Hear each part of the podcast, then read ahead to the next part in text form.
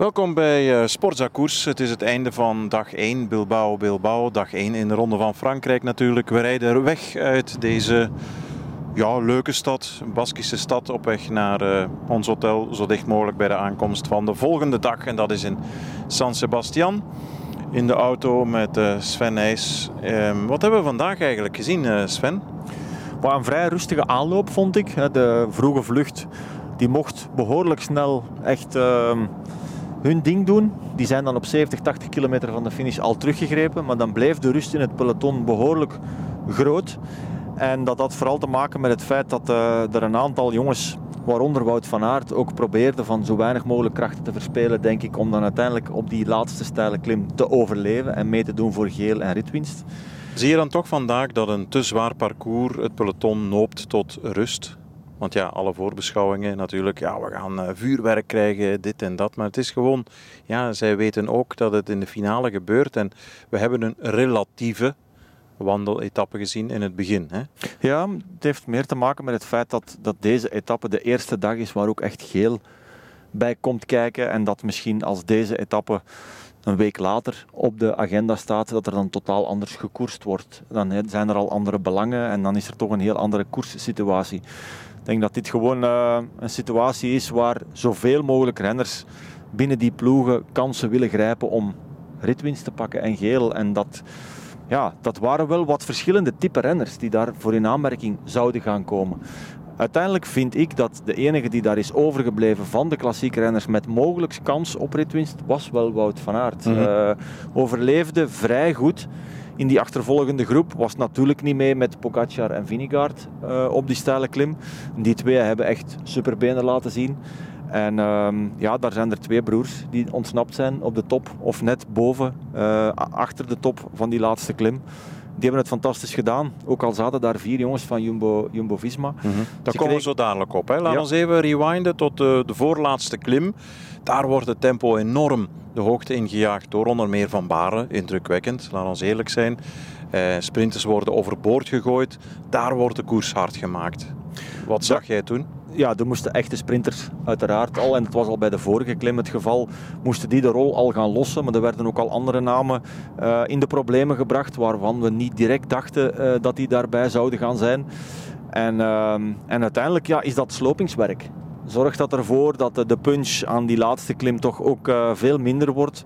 Dat er al serieus wat energie is verspeeld. En uh, ja, dat was niet alleen de mannen van Jumbo-Visma met Van Baarle, maar ook de mannen van UAE hebben eigenlijk een stuk ja, van Mikkel die klim... Bjerg onder meer. Bjerg heeft daar een uh, stuk van die klim voor zijn rekening genomen. Allemaal met in het achterhoofd, uh, ja, we willen hier straks uitpakken. Mm -hmm. En dan zie je ook dat die schifting gebeurt, uh, dat iedereen ja, op zijn tandvlees zit om te beginnen aan die uh, slotkool, hè, klimmetje van, van twee kilometer. Die dan toch, ja, vind jij dat die, de, de verhoopte schifting heeft bewerkstelligd? Is daar gebeurd wat iedereen verwachtte? Want uiteindelijk, ja, plots krijgen we een beeld. Alleen uh, Pogacar en Vinegaard weg met die uh, Lafay daarbij, de Fransman van Cofidis. Maar dan was er al een gaatje geslagen, hè? Ja, we moeten eerlijk zijn dat we daar een ander scenario hadden verwacht. Waar ook een Mathieu van der Poel, een Wout van Aert, een, een Alaphilippe, een Tom Pitcock bij betrokken zouden zijn. Van der Poel heeft wel altijd eerlijk gezegd op voorhand: het wordt kantje boord, het wordt nipt, hè? het wordt een, twijfelgeval. Hij heeft nooit gezegd van ik ga hier overleven. Nee, um, maar hij zat ook al net dat tikkeltje te ver bij het opdraaien van de laatste klim. Van Aert overleefde vrij goed, maar bijvoorbeeld een Pitcock, een, een Alaphilippe vooral, hè, ja. die daar een aantal jaar geleden echt meester in was in dit soort beklimmingen, om dan toch weg te springen, stand te houden en die rit naar zich toe te trekken, ja, die schoten vandaag echt wel tekort. Verklaring voor? Moeilijk om daar echt een antwoord op te geven. Um, we hebben de zware valpartijen natuurlijk een jaar geleden uh, van Alaphilippe wel gehad. Hij komt echt uit een uh, mindere periode waar hij probeert de draad weer op te pikken. Hij heeft zeker nog de leeftijd om fantastische dingen te doen. Kijk maar naar degene die vandaag met ritwinst naar huis gaan en de gebroeders Yates. Maar um, het kan groeien nog hè, in deze ronde, uiteraard. Hè. En ik ga zeker Alaphilippe nog wel aan het werk zien. Maar ik had hem vandaag echt op het voorplan verwacht en dat is niet gebeurd. Ja.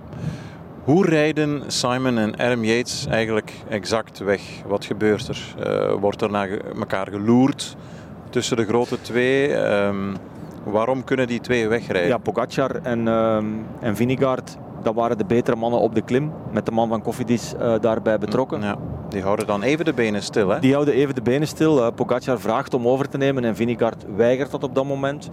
Mede ook wel, denk ik, uh, hij, het heeft geen zin om daar door te rijden in het geval van Vingegaard. Mede ook met het idee dat Wout van Aert nog mm -hmm. op komst is en eventueel ritwinst kan gaan pakken.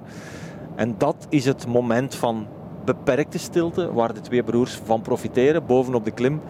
En dan elkaar onmiddellijk verstaan als twee broers. En dan uh, vol die afdaling ingaan. Er wordt redelijk snel achtervolgd door de juiste mannen van Jumbo-Visma. Maar uiteindelijk krijgen ze de kloof niet dicht en wordt die alleen maar groter. Want uh, 10 seconden, 11 seconden, plots 17, 18. En dan weten Kelderman en Koes in de achtervolging, oké, we krijgen het niet dicht. Met een balende Wout van Aert als, als gevolg. Te, begrijpen, hè? want ja, je sprint toch met een andere ingesteldheid voor de derde plaats dan voor een eerste plaats. Eh, maar hij was hoorbaar en zichtbaar ontgoocheld, terecht. Ja, ik bedoel terecht, begrijpelijk. Het was een tweestrijd, hè? Ja. twee mannen van Jumbo-Visma tegen de twee gebroeders Yates daar vooraan.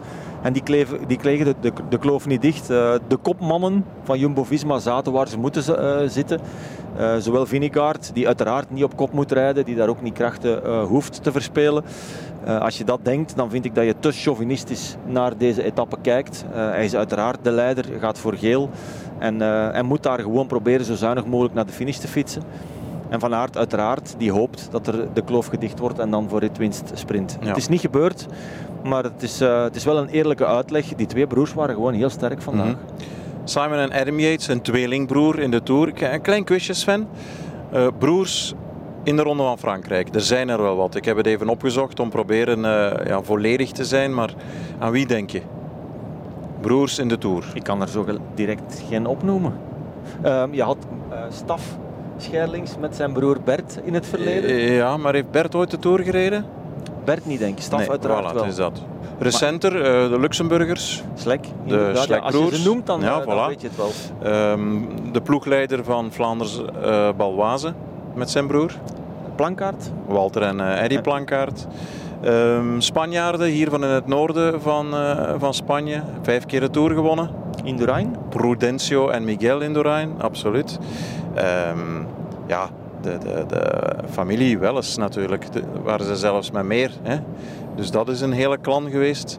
Um, dat zit allemaal zo in uw encyclopedie? Nee, nee, ik heb het opgezocht. Ah. Ik ben eerlijk. Ja, ja. Uh, Adrie van der Poel natuurlijk ook met zijn vader. Maar ik denk niet dat die niet samen de Ronde van Frankrijk hebben gereden. De, de, de Vlamings. Uiteraard Roger en Erik de Vlaming. Um, ook de Tour gereden. En dan kijk ik nog eventjes verder uh, wie nog genoemd worden. Ah ja, Peter en Martin Velits. Maar dat, dat is echt al voor de quizzes natuurlijk, dat zit uh, vrij ver. En ook recent, en één ervan zit hier in de Tour en de andere is de lead-out voor Gerben Thijssen. Boy en Danny van Poppel. Klopt. Klopt, maar, ja. en dan heb je heel veel namen en, en, en broers opgenoemd, maar wat er vandaag gebeurd is, denk dat dat uniek is. Nee, dat is uniek. Hè? Want in bijvoorbeeld um, Andy Schleck wint op de Galibier.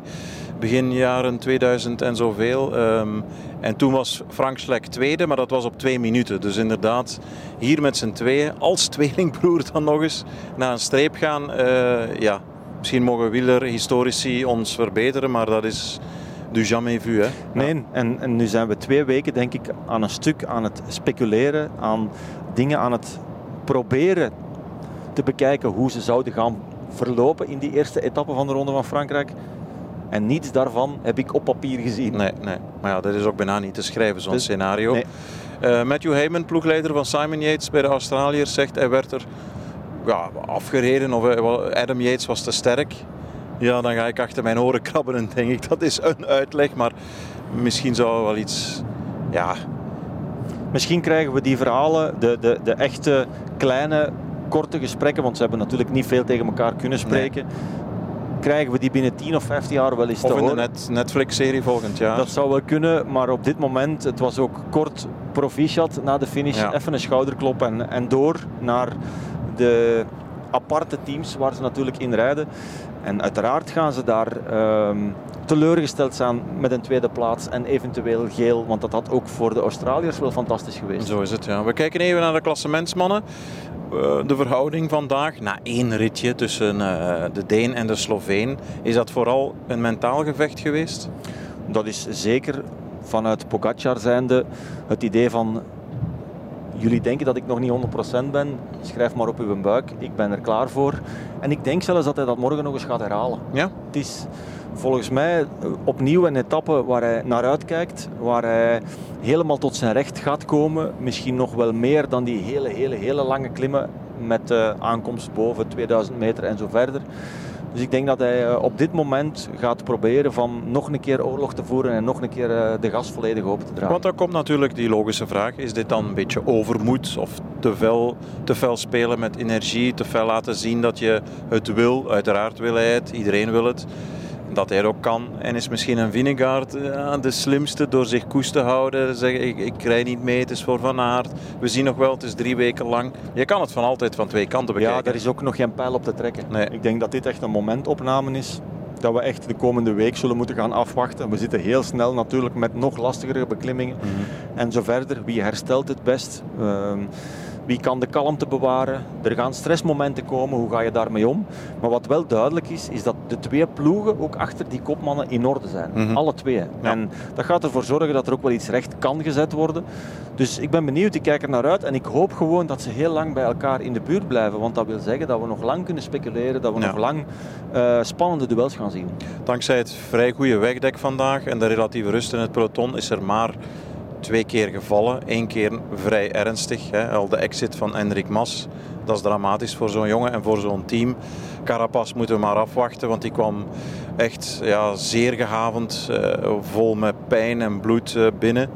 Ehm, andere klassementsmannen, Pinot eindigt bij de grote jongens, eh, Jay Hindley, Skelmoze, Godu, Landa, ehm, Woods, Kelderman, die komen beide jongens binnen.